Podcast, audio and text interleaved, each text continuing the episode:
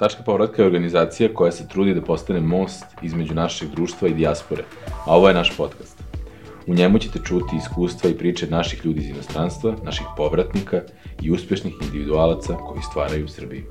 Današnji razgovor sa Nikolom je bio vrlo zanimljiv zato što nas je odveo u različite sfere od profesionalnog sporta do studiranja u inostranstvu, života u inostranstvu generalno, ljubav prema konjima, razlozi za povratak, porodični biznis.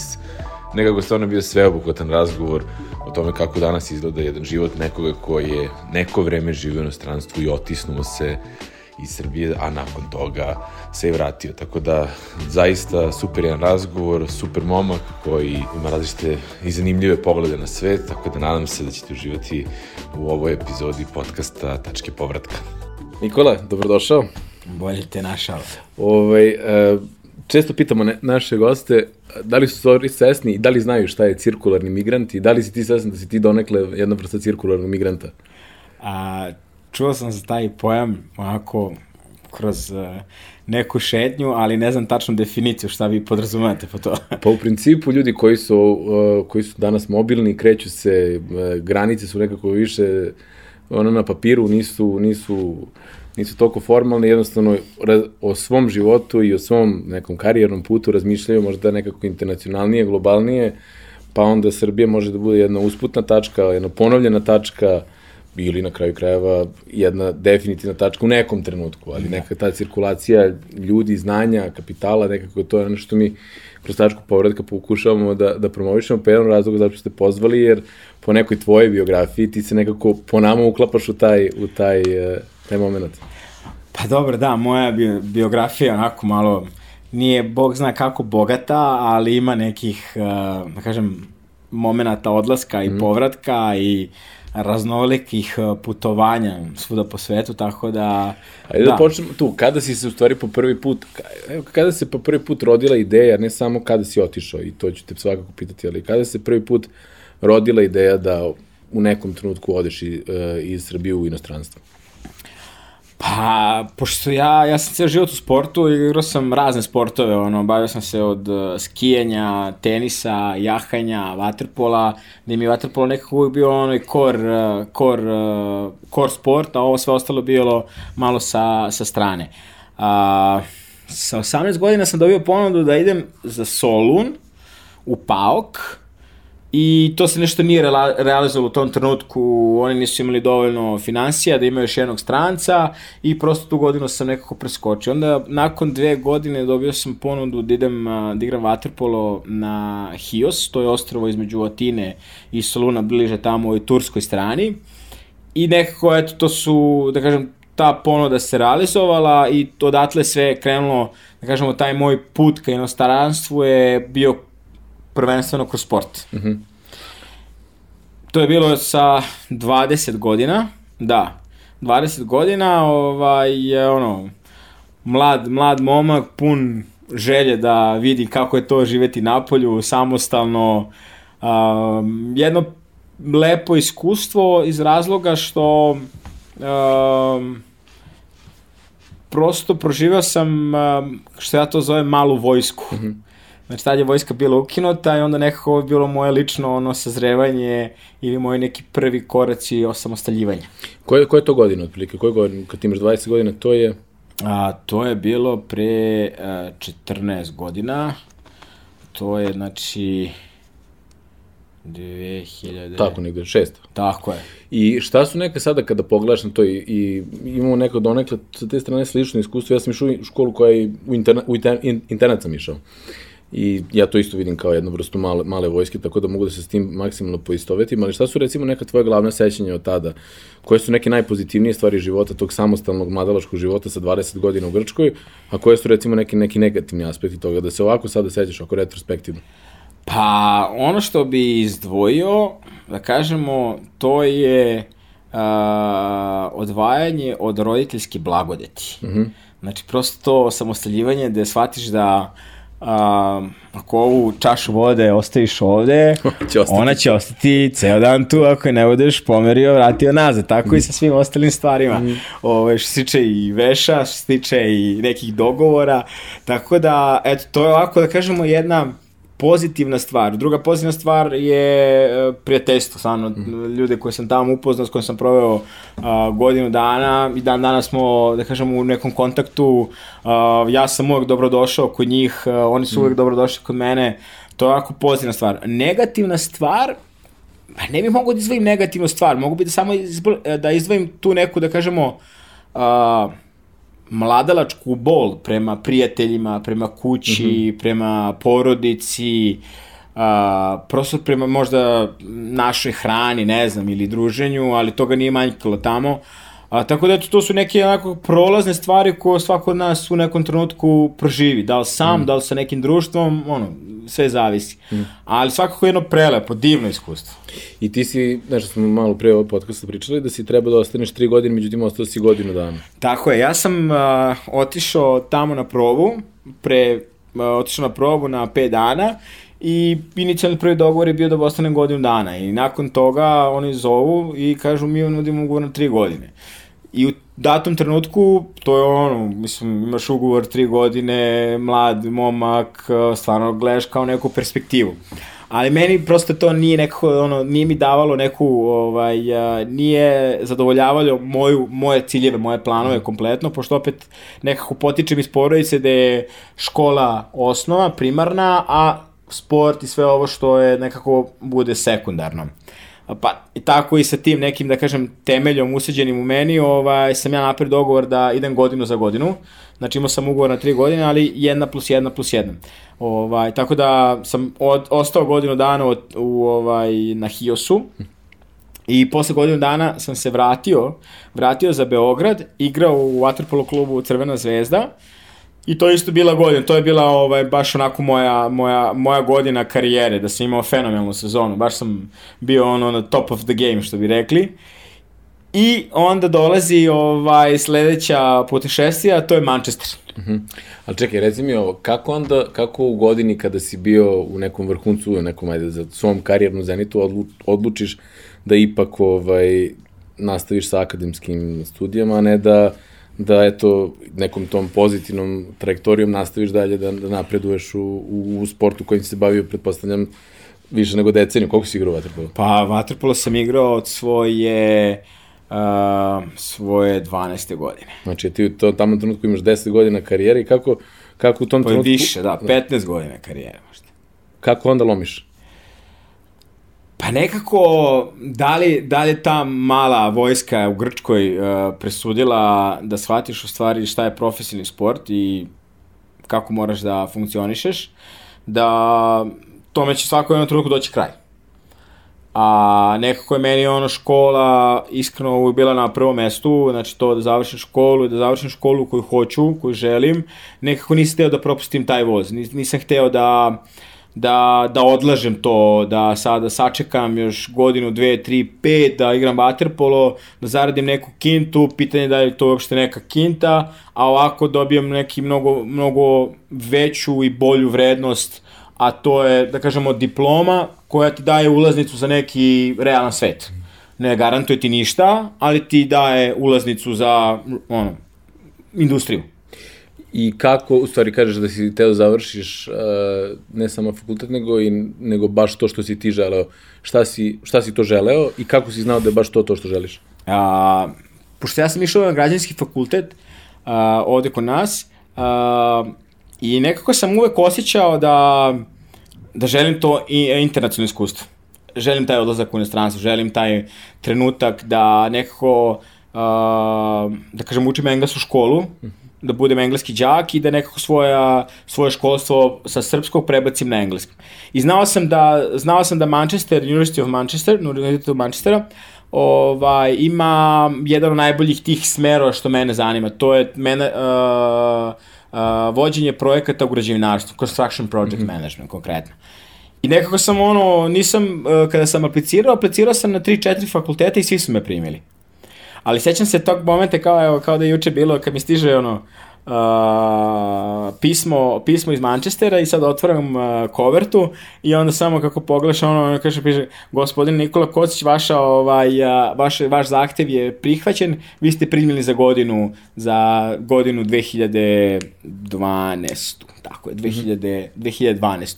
I ja ovako gledam I prosto ne mogu da verujem šta mi se dešava, da ono što sam duboko želeo, a to je taj univerzitet, taj grad, jer znam da, ono, znam da je jedna od top 5 u svetu i prosto, ono, kad mi se to dešava, ono, ja ne mogu dođem sebi, mislim da sam plakao od sreće koliko mi je bilo, koliko mi je bilo ispunjeno srce.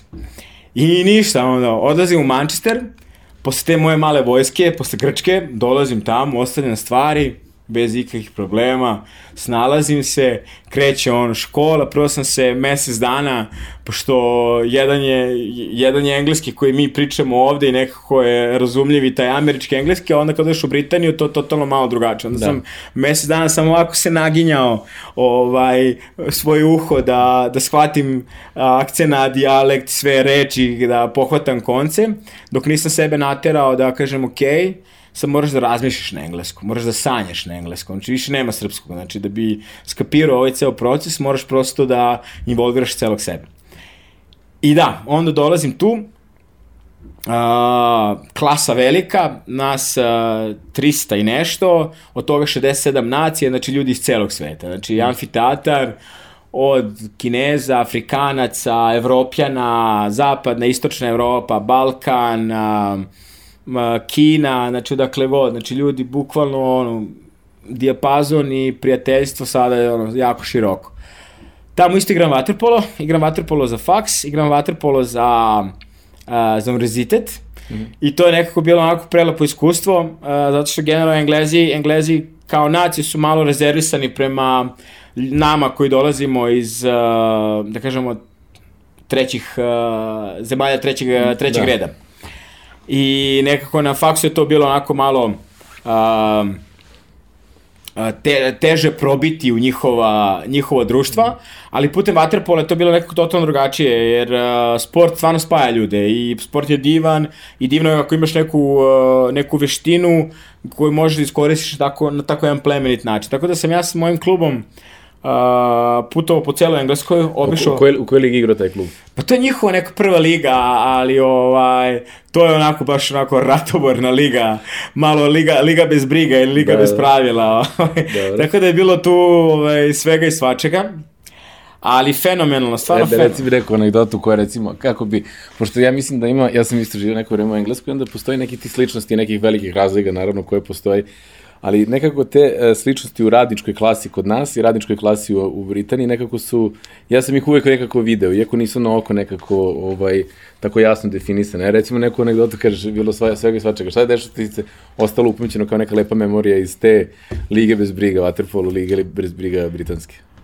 Pa, jedna najlepša, najlepša memorija, to stvarno ovaj, osjećam onako najiskreniji sa, uh, sa strane tih ljudi, da mi dolazi kapitan uh, njihovog tima koji je kapitan za njih 5-6 godina, ovako me gleda u oči, ovako me ono zagrli i kaže hvala ti, kaže mi nikada ovakvog igrača i čoveka nismo imali u našem timu, kaže mm -hmm. hvala ti od srca što si tu sa nama. Mm -hmm. Ja ako gledam, znaš, ja klinac, onako ono zbiljni čovjek me i ono sad ne znam da, da me ovaj nešto uh, zafrkava, mm. jer ovde u Srbiji, u srpskim timovima tu uvek nešto zafrkavaju, ovde nema mm. neke ozbiljnosti, osim kad se igra waterpolo, da se zna šta ko radi. Mm. Ali što tiče ovo salačionica van bazena, to je ono... Samo zezanje. Samo zezanje, da, samo zezanje. Ja ako gledam, ja rekao, Kevin, are you sure? Kao, yeah. jesi ti siguran šta ti meni govoriš, da? Kaže, da, da, da, kaže, ja sam, ono, jako, jako siguran. Ja rekao, hvala ti na ovim rečima. Tako da, eto, to je ono, kažemo, ovaj, e, bilo mi drago, drugo onda, kada ide se na, na ta putovanja, oni su stvarno, mislim, dru, si imaš i ovakve i onake, ali generalno, ono, druženje, šala, vicevi, mm -hmm. uh, zbivanje šala na tuđi račun, to je ono, sastavni deo. Mm. To kažeš, radnička klasa, je ovde ista i tamo, to je mm. da, to je, to je to, to je to. A dobro, a sa druge strane, ko je, koliko si dugo bio u Manchesteru? Ja sam bio godinu dana konkretno na fakultetu, na masteru mm -hmm. i posle toga sam ostao još jednu četiri meseca da pokušavam da pronađem posao. Da. I kako je sada, recimo, da usporedimo sa to neko iskustvo koje si imao preko Waterpolo kluba i to nekoga, kao kažemo, kažem, nekog deo tog kolača koje si dobio preko, preko, preko sporta, kako je izgledalo tvoje studiranje? E, da li si od fakulteta i onoga što si tako žarko želeo, na kraju i dobio ono što si želeo? A, fakultet je izuzetno kvalitetan.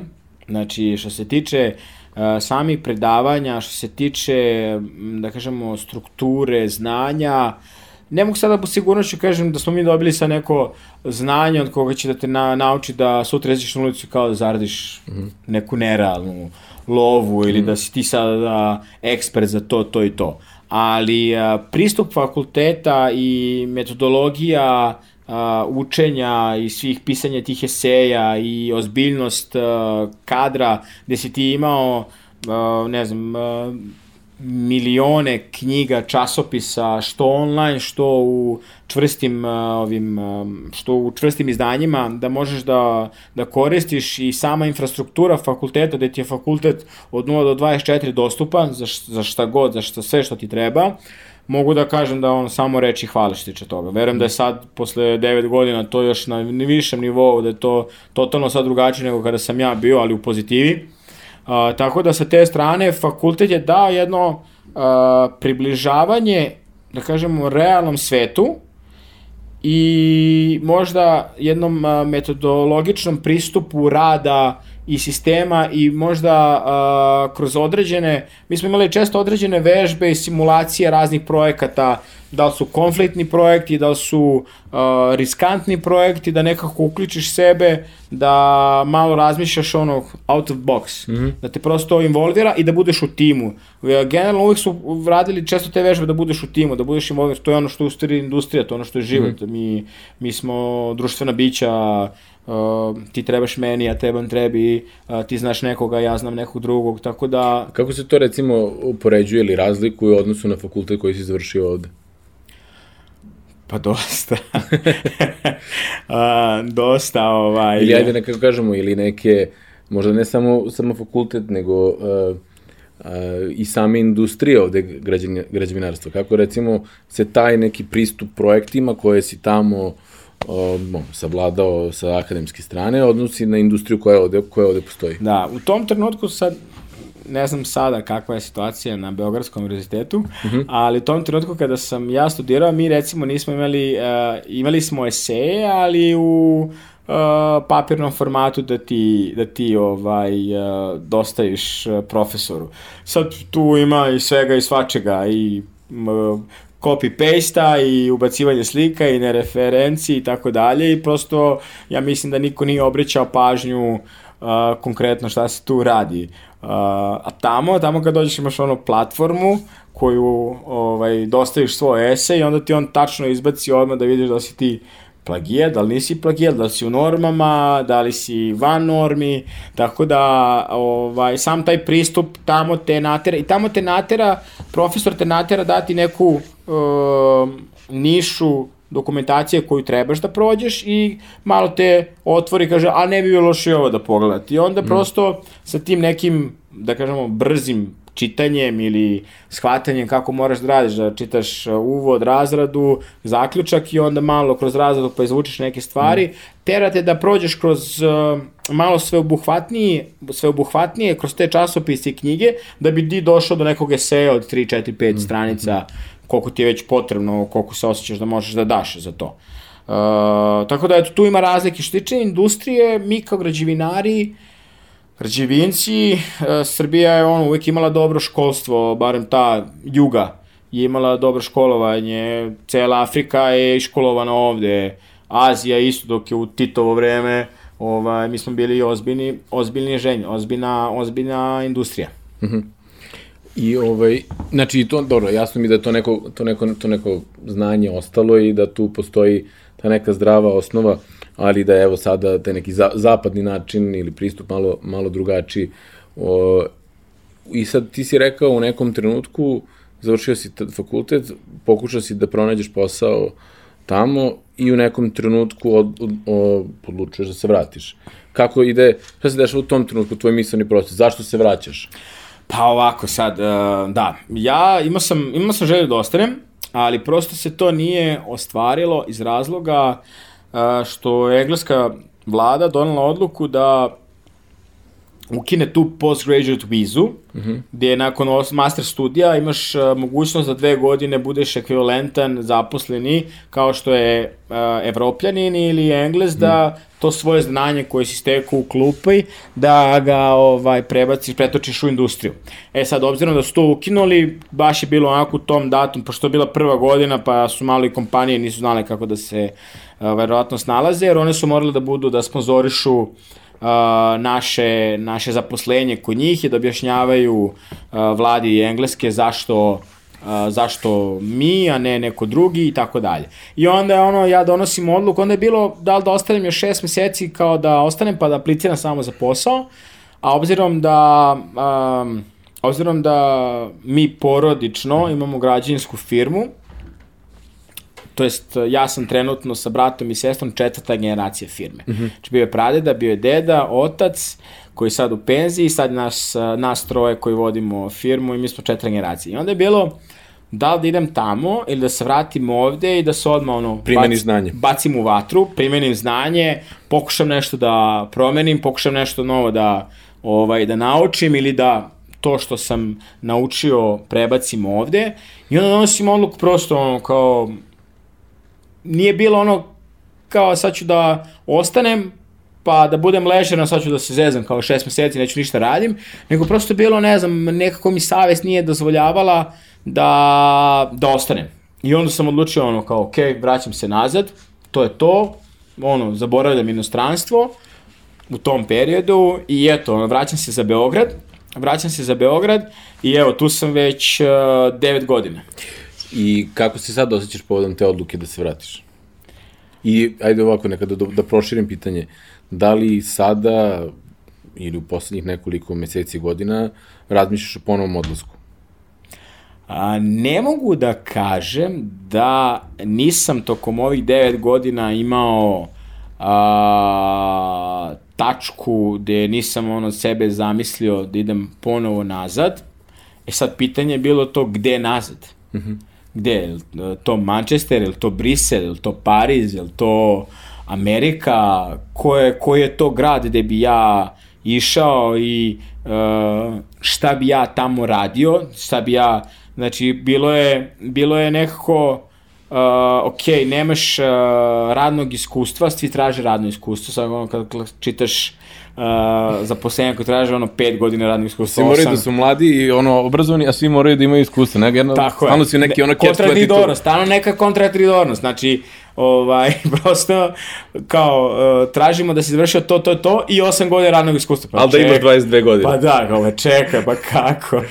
Pa kako ne? I onda ovaj... Uh, I onda nekako uvek bilo to da odem, ali uvek je bilo, bilo nekako potrebno moje prisustvo ovde. I nekako se to nije relazilo. I evo, ovaj, nekako i sad ne razmišljam da odem, ali razmišljam da napravim, ja ga zovem most. Mm -hmm.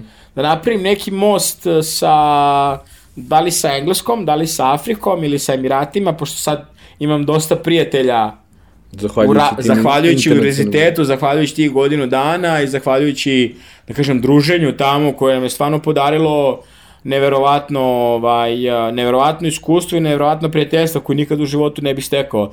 Ja, meni je danas najbolji drugar iz Gane. Uh, drugarica koja dolazi sutra ovaj, u posetu iz Bahreina. Uh, onda sam bio kod drugarice u Cape Townu, bio u Budimpešti kod prijatelja, u Moskvi, Uh, ne znam više da ne nabrajam ljude odakle ovaj, iz, iz Istanbula redovno mi dolazi grupa Turaka s kojima sam studirao ono, malo malo pa su u Beogradu. Mm -hmm. Tako da uh, to je to je jedno neprocenjivo iskustvo i to je ono što ti u stvari inostranstvo daje. Uh, da kažemo to kosmopolitanstvo, to taj moment gde ti možeš da upoznaš čoveka a da nikad u životu ne bi imao tu šansu da nisi prešao preko ove bare. Mm -hmm, da. Uh, I meni, mislim, ja se apsolutno tu slažem sa tobom, ovaj, ja sam, to kažem, četiri godine isto bio u srednjoj školi koja je imala neku svoje akademsko, kažem, ne kao akademsku vrednost, ali neuporedivo neuporedivo više mi je značilo to što sam zapravo u tom internatu provodio vreme sa ljudima koji su iz potpuno drugačijih kultura, gde sam ja shvatio to potpuno drugačije, možda postoji nekoliko ono programa koji se vrte, da nije ista matrica svuda kao kod nas i da jednostavno to može drugačije. Ali eto, baš na, na tragu toga što pričamo o toj nekoj različitosti, um, kako si se onda ovde aklimatizovao nazad? Koli, mislim, nisi, nisi proveo, da kažemo, sa 10 godina, 15 godina, pa da ti je bilo verovatno sa te društvene strane teško, ali interesuje me kako, kako si to ste, stečeno znanje ovde primenio, šta se, e, kako je to konkretno u tvom karijernom putu, koliko je to u tvom karijernom putu značilo i šta su neke stvari na kojima sada, nakon eto, 9 godina, kako si rekao, od svog povratka, na čemu sada radiš? Kako sada izgleda tvoj život i kako se te, ti tragovi dalje vide u, u, u, u, tvom, u tvom radu? Um, prvo, naš sam ja imao problem kada se vratio, to je na sve vizualno oko mene. Pogledaš fasadu, ona se raspada. Mm pogledaš put, on pun rupa, ti se voziš, a on samo malo upadaš, pa te lupi, mm. pa te lupi. Dobro je za bubrege, mislim, šta pa? Pa nije loše. I onda, pa, kad, stvarno kada si u zapadnom delu Evrope, e, složit ćeš se, bio si, sve skockano nekako. Da. Park je lep, ivičnjak je sređen, a, trgovi su manje više sređeni, sve nekako odiše nekom uređenosti, nekom, a, da kažemo, da ljudi brinu, brinu o toj svojoj sredini. Barem tako na prvu, na prvu loptu. Onda kad sam se vratio, prva pomisla, sećam se ono, kao sačekala me mama na, na aerodromu, vraćamo se mi ja ovako se imam kome gledam gore, gledam levo, gledam desno. Ja u sebi, jebote, gde mi mhm. živimo. da, da, da, bukvalno, da. I, on, I onda, i onda po, po nekako, ono, dok sam kao malo, tamo sam se navikao u neku svoju rutinu, neki moment, uh, dok se malo navikao, dok se aklimatizovao, a onda sam ovaj, uh, godinu dana nekako sam držao do sebe, do tog, ne znam, mogu da ga nazovem engleskog stila, nekako. Da, da, da. Ovaj, ono, dolazio na posao, nosio kravatu, nosio dela, I baš se nekako držao taj kao corporate, ne corporate, ali prosto neki, neki svoj uh, stil sam od, od uvek držao do toga. I, o, I sećam se, evo, taj jedan gospodin koji je sad u penziji, nadam se da uživa da pravi svoje vina i da, ovaj... To je prava penzija. Da, da, da, da, da, da, da, ovaj, možda će da je posluša ovaj podcast. I on dolazi meni jedan dan i kaže, hvala ti što si uno mladost u mene opet, zbog tebe sam počeo da nosim kravati. To je, jeste, to je, to je jako bitno da... Ovaj... Zato što kod ljudi, kod nas, uh, generalno, uh, zapostave sebe, zapostave taj neki moment, uh, da ne kažem profesionalnosti, ali moment sebe da prosto povuči ih uh, masam. Ako nas je masa u tom trenutku bila nosiš majicu ili nosiš kratku košulju, onu torbicu preko, Naravno, preko radi. To je to. Da, to je nekako bilo ono kult, kult društva. I onda nekako kad neko malo iskoči, To je onda ono odmah kao, ček, ček, zašto, zašto ti to tako, kao, pa mi smo svi ovakvi, kao.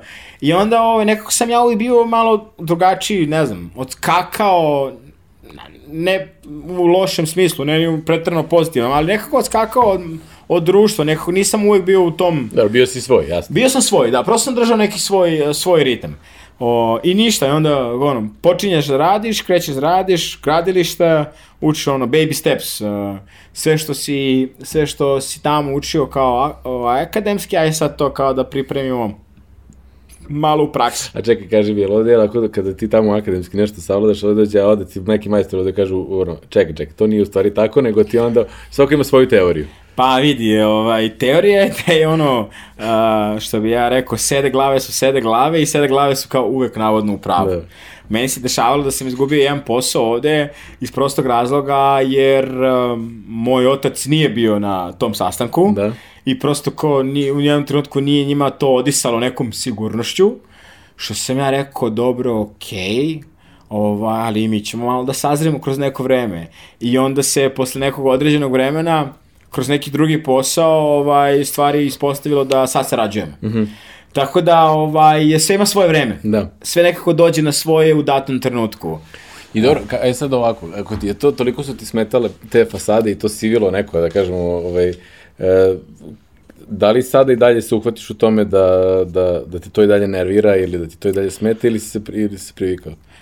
Pa, privikao sam se, privikao sam se, ne mogu da kažem, a, a, sm- smeta mi, nije da mi smeta, nego meni lično smeta. Mm. Za mene lično, nemam ništa protiv toga, ali a, volo bi da više ljudi vode računa o svojoj okolini. Jedna od glavnih stvari kada ovde razgovaramo sa ljudima koji su dugo bili na polju, prva stvar ko, koja uglavnom kažu ljudima smeta to što je prljavo i što nema reciklaže. Znači, to reciklaže mnogima kao ne razumemo zašto tako jedna je ono, opšte prihvaćena internacionalna stvar ovde nije toliko zastupljena, nego tako je, više ad hoc i više samo na primerima kao simboli, a ne kao suštinska stvar da kao društvo radimo o tome da, da, da držimo do svoje zajednice, da recikliramo. Pa, prljavština, da, svakako sigurno. Mm. A, reciklaža, mislim da nemamo ni taj kult. Mislim, možda ove, da kažemo, mlađe generacije koje, da, da. koje dolaze sada su nekako otvorenije ka tim stvarima. Starije generacije su i dalje se bore ovaj sa smartfonovima, mm, mm. tako da tako da je možda to sve ona neka smena generacije potrebna da bi došle neke da. nove stvari. E, negde u pripremi za, za podcast, e, ono, do, do, dobio sam informaciju, išli to malo da, ovaj, da si pasioniran e, uzgajem, ko, uzga, kako se to kaže, uzgajivanjem konja, kako, uzgajivanjem, da. Da, ili generalno, ajde kažem, pre svega konjima, pa sad šta, u kom, Tako koliko je, da. to u tom tvom uh, opusu konkretno znači? Šta to konkretno kod tebe znači? Šta... Sast, to kod mene znači sastavni deo života. Jasno, ajde to Ali nam se malo približi. Ovako, da, ovako, ja sam imao stvarno sreću, blagodet da da svog prvog konja imam, da imamo nas troje, a nekako sam ja uvek bio pelcovan mm -hmm. od tog momenta kada smo dobili ponija, zvao se Mališa, da, da ono, kažu, jed, kad jednom progutaš konjsku dlaku, to je to. Da. Više nema nasite. I ja sam taj, znači, za mene su konji ono, sastavni deo života, sastavni deo moje svakodnevnice i prosto sa tim nekako sam se saživeo. A, da, eto, ja imam pet godina Mališa, Mališa onda odlazi iz mog života, Čale ga menjao za neku svinju. da. I to kreće opšti haos u ovaj, porodici. Posle... da. Da, izvini. Posle, ne, ne, ništa da. I onda kreće bombardovanje 99 i nekako, ono, šta će deca rade, kući kao čala, aj krenite na jahanje. Da. Opet. I onda krećemo da jašemo, ono, padaju bombe svuda, mi na hipodromu svaki dan učimo da jašemo i tu se sve, na, kažemo, obnovio neke svoje prve prve korake ovaj, vezano za same, za same konje. O, I, uh, da, i onda smo proveli jedno vreme na hipodromu, Ćaletu se nije dopala ta atmosfera dole, kako to sve funkcioniše, uh, metalitet ljudi, i nekako, ono, pošto bile su, da kažemo, imao je mogućnosti i onda krećemo polako, pravimo svoju štalu. Mm -hmm. To je na moje dedovini, nalazi se na Mirjevu, znači manje, deda daje manje, a otac, pošto je građevinac, daje beton i znanje. Dobro. Ovaj, tako da je ta bila neka... Skupile se sede glave. Tako je, da, skupile se sklede glave i donele odluku da, da napre nešto. I eto, na, ono, postoji, postoji mali klub, postoji mala oaza mira, i ja započinjem, uh, ta, postoji klub, ali prvo bilo u nekoj privatnoj režiji, samo u okviru porodice, nije bilo za treća lica i onda ovaj, ja godinu dana preko što sam otišao na master studije uh, pokrećem ideju kao škole jahanja. Mm -hmm. To jest edukaciju ostalih mm -hmm. ljudi i otvaramo svoja vrata za, za u komercijalne svrhe mm -hmm. da odeš. I to je baš onako jedan, uh, jedan evo, da kažemo, devet godina, onako jednog mukotrebnog rada, dosta, dosta znoja da se postavi to na svoje prave noge. Uh, I tu mogu da gledam sebe, mogu tačno da se setim mladog Nikole i nekih svojih uh, rezona ili da kažemo uh, momenata gde ja uh, žurim, jurim, ne osluškujem sebe, nekako uh, prosto uh, kao i svaki mlad čovjek misli da sve zna u datom trenutku, a mhm. onda u određenim trenucima shvatiš da i nije to baš tako. Mm. I nije to baš tako. Uh, ali evo, da, da skratimo malo što tiče uh, kluba. Danas klub ima 20 grla, to je jedna, to je jedna oaza mira da ja pokušavam da su, svoj svet preslikam na prostor. Da te lepe fasade, da te... Uh, Koje fale. Koje fale, tu ošišanu travu, taj park, ptice, zelenilo, uh, da to nekako bude oaza za mene i za ljude koji dolaze, koji tu obitavaju. I to stvarno jeste tako, to je sad jedna, uh, ja zovem kao ono, jedan, jedan pin u gradu gde čovek može da dođe da provede prelep dan sa svojom uh, porodicom, da uživa u dobrom piću, da se druži sa prijateljima, da se provede sa životinjama, da se mazi sa kerovima, da deca jašu, znači baš onako sve obuhvatno, da igraju malo košarku, da igraju malo futbal, prosto je prilagođeno ljudima koji vole prirodu, koji vole neki da kažemo, van gradsku zonu komfora, mislim da smo to svi shvatili toko ove korone, mm. da šta to znači i koliko nam to u stvari nedostaje svima. Mm -hmm. Tako da, eto, ono, konji, konji sami po sebi su lekoviti. I ono, utiču m, perfektno na ljude koji su dosta tenzični, koji imaju dosta adrenalina u sebi, uh, prosto konj sam po sebi te smiruje, opuštate, uh, sjedi, uh, povezujete bolje sa sobom, jer ti kada jašeš, prosto moraš da budeš kompaktan, moraš da budeš fokusiran mm -hmm. na sebe, na konja, na čoveka ispred tebe, na čoveka koji ti dolazi i tako dalje i tako dalje. Uh, tako da je to, to jedna... To kao neki oblik meditacije otprilike. Ne, u kog u smislu... Aktivne meditacije, aktivne da. meditacije da. Da, mogu tako da, slobodno. Aktivne meditacije, uh, jer, uh, evo, kazat ću sad, možda to nisi dobro, ovaj, nisi imao pravu informaciju, ali to ti je kao tango, pošto ja plešam malo tango, aha, dobro. a tango ti je isto aktivna e, meditacija, jer kad plešeš s partnerom, prosto moraš da budeš aktivan u svakom trenutku. Mhm. -huh. Ti ne smeš, ako odlutaš u nekom trenutku, desit se, se prenosi. Ne, prenosi se na ples. Da. I to se osjeti tačno. Partner osjeti tvoju nesigurnost, tvoje dvoumljanje i onda on, šta se dešava? Da. Prosto to je taj moment gde budeš ono sjedinjen sa sobom, utemeljen, ono što bi rekli englezi grounded. Da, da, da. Tu si pozicioniran. I jesi, mislim, s obzirom da si na master otišao već sa nekim, kažem, ajde, malom istorijom uh, ovde pokrenuo si tu školu jahanja, a svi znamo da, da su Britanci ipak nekako tu šiče konjičkog sporta i i ovaj i ljubavi prema, prema konjima nekako zakoplje ispred mnogi mislim ispred skoro svih. Da li si to nekako svoju neku pasiju i tamo pokušao da pronađeš? A, da budem iskren, nisam. Nekako, ovaj, a, ne znam zašto, ali Vaterpolo nekako je fokus bio kao došao si da učiš, I kao, ok, igraš waterpolo, nisi došao sad da radiš još treću mm -hmm. stvar. Znači, nekako uvijek to bilo kao, ok, radiš dve stvari, ili radi ih kvalitetno, i nekako u dodatnom trenutku sad tamo ja niti imam kola, uh, svud idem pešaka, mm -hmm. ono, svaki dan držim 10 kila na rancu, ja kad iđem iz, so, iz svoje, onog, svog uh, ovog studentskog doma, znači ja tu stavim i ručak i večeru i da. ponesem da. stvari za trening i ponesem uh, ovaj, stvari za posle, za preslačenje, tako da bukvalno i svuda pešaka. Mm -hmm. Znači ja sam samo išao gradom svuda pešaka, samo levo, samo desno. I dobro, ovaj, sada kada nekako, sada si tu i sad si već neko vreme tu, ali opet imaš tu neku internacionalnu dimenziju, koji su neki planovi za dalje? Evo, tvoje, ako lično te pitamo, ako sad, vi, svima nam je ova godina prošla, 2020 služila za neki hard reset, ono, da, da dobro promislimo šta želimo i da kao što smo ove godine, kao što sam rekao, shvatili da nam je možda i bitni, puno bitniji kontakt sa prirodom nego što smo mislili i nekako dolazi do nekih, uh, nekog preslužavanja, ono što čime želimo, kako želimo da živimo život.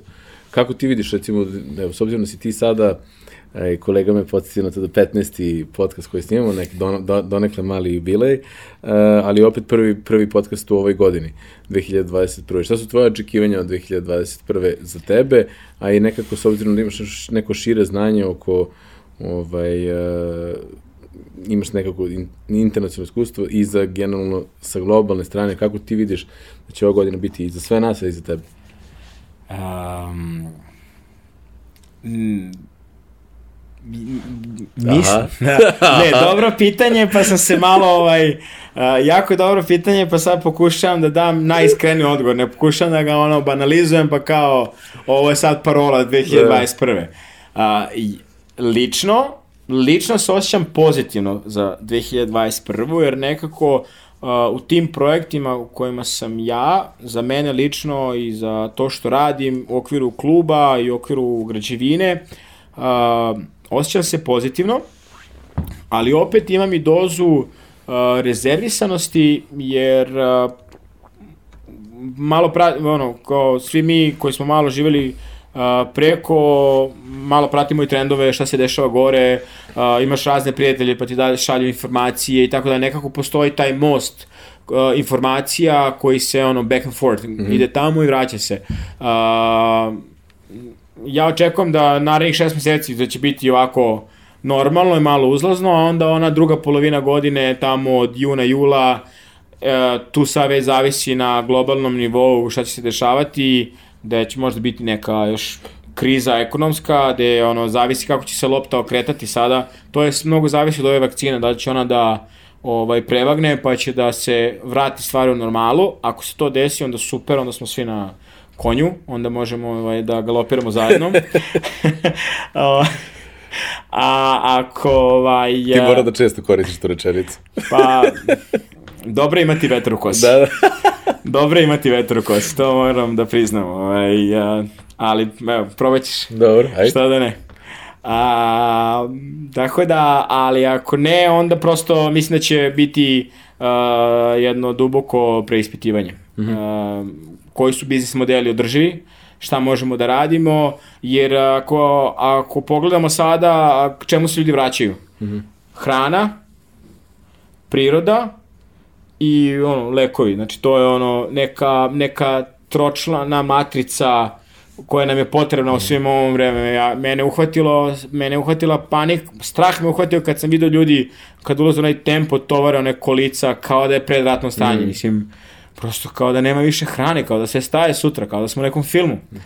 Tako da, ovaj, lično osjećam se pozitivno, jer mislim da ove stvari koje ja radim, a to je ovaj rad sa decom i kampovi i edukacija mladih, i tu je ono širok dijapazon karaktera dece od 5-6 godina do 13, 14, 15, 20 godina, nekako ovaj, to nikad neće stati. Ne može da stane rad sa ljudima, mm. rad sa decom. Može da stane privremeno, ali pitanje je koliko. Uh, tako da mislim da nas čeka i dalje jedno izazovno vreme. Mm -hmm ali uh, onako uh, možda malo svesnije, malo svesnije i malo duboko umnije za sve nas. Mm -hmm. Da možda ne radimo više stvari onako ad hoc, ili samo da ih uh, odradimo pa kao, ok, evo, odradio sam, nego da možda sve što radimo da možda ima neki pečat, možda ima neko, uh, neko značenje na, na kraju tog mm. dana. Jer opet, uh, danas sam pročitao kada imamo loš dan, ono ipak traje samo 24 sata. Da. ne traje duže od toga. Ali i kad imamo dobar. Tako je. Da. I to je taj balans, što da. bi rekao moj uh, trener Jan Jahanja s kojim sam radio, kaže imaš skalu, imaš početak i imaš kraj. Kaže sport nije ni ovde ni ovde, sport je negde u sredini. Mm -hmm. Ti moraš da spojiš, nema radovanja kada pobediš, a nema ni plakanja kada izgubiš. Mm -hmm. Znači ti moraš da si stalno u toj nekoj niti, nekom balansu sa samim sobom i da težiš da napreduješ, da težiš da napreduješ. Da. Tako da, ima jedna anegdota koju ja volim da, da pomenem. Kaže, kada ti je mnogo dobro u životu, stavi jedan kamenčić malo ovaj, cipelu, cipelu da, te, da te žulje jedan dan, da mm. prosto da te podsjeti da, da, da to što si uradio nije baš to, tu kraj, neke mm. ono, kao nek te malo samo osvesti. Da. E, na tu notu, uh, nadam se da ćeš morati da stavljaš kamenčiće u, ovaj, u cipele, jer će ti biti toliko dobro u 2021. A i ja nadam se, ja i, i sebi to želim, tako da i svima koji ovaj, e, koji ulaze u ovu godinu nakon ove 2020. Tako da hvala ti što si ovaj, e, bio gost e, i vidi, nadam se da ćemo nastaviti ovaj razgovor i ove razgovore i u 22. i da će biti, da će biti, da, ni, da nismo bili u pravu, jer i moje, ja delim to mišljenje da, da nas druga polovina godina koja čeka neće baš biti bajna, ali ajde, nadam se da ćemo bojice biti u krivu, a da ćemo moći nekako da nosimo to kamenčiće ovaj, u, u cipelu, tako da hvala ti što si bio naš gost.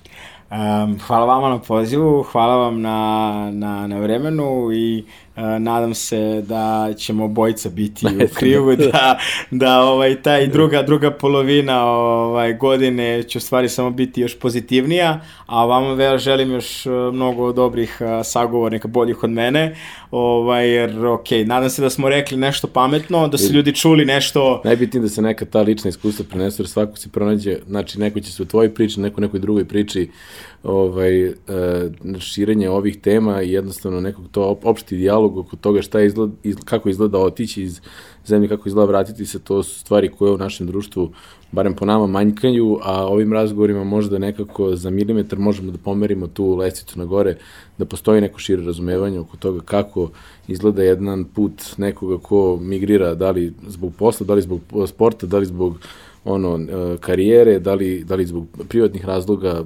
svaki podcast nosi nešto drugo, tako da tvoj je svakako donio na jednu vrednost koju, koju do sada nismo imali, tako da hvala ti na tebi na tome i eto, kažem, nadam se da eto, sa prvim podcastom 2021. da ulazimo u jednu srećniju godinu od ove 20. Da. Ja bih samo rekao za kraj, ovaj, za, sve, za sve mlade ljude, mm. imam jednu poruku za njih, da a, nemojte da se bojite da odete, mm. trebate da odete, mm i trebate da osetite to iskustvo. Ako imate priliku, nemojte da se razmišljate oko toga, mm. da se dvoumite, ali uh, nemojte da se bojiti da se vratite. Mm.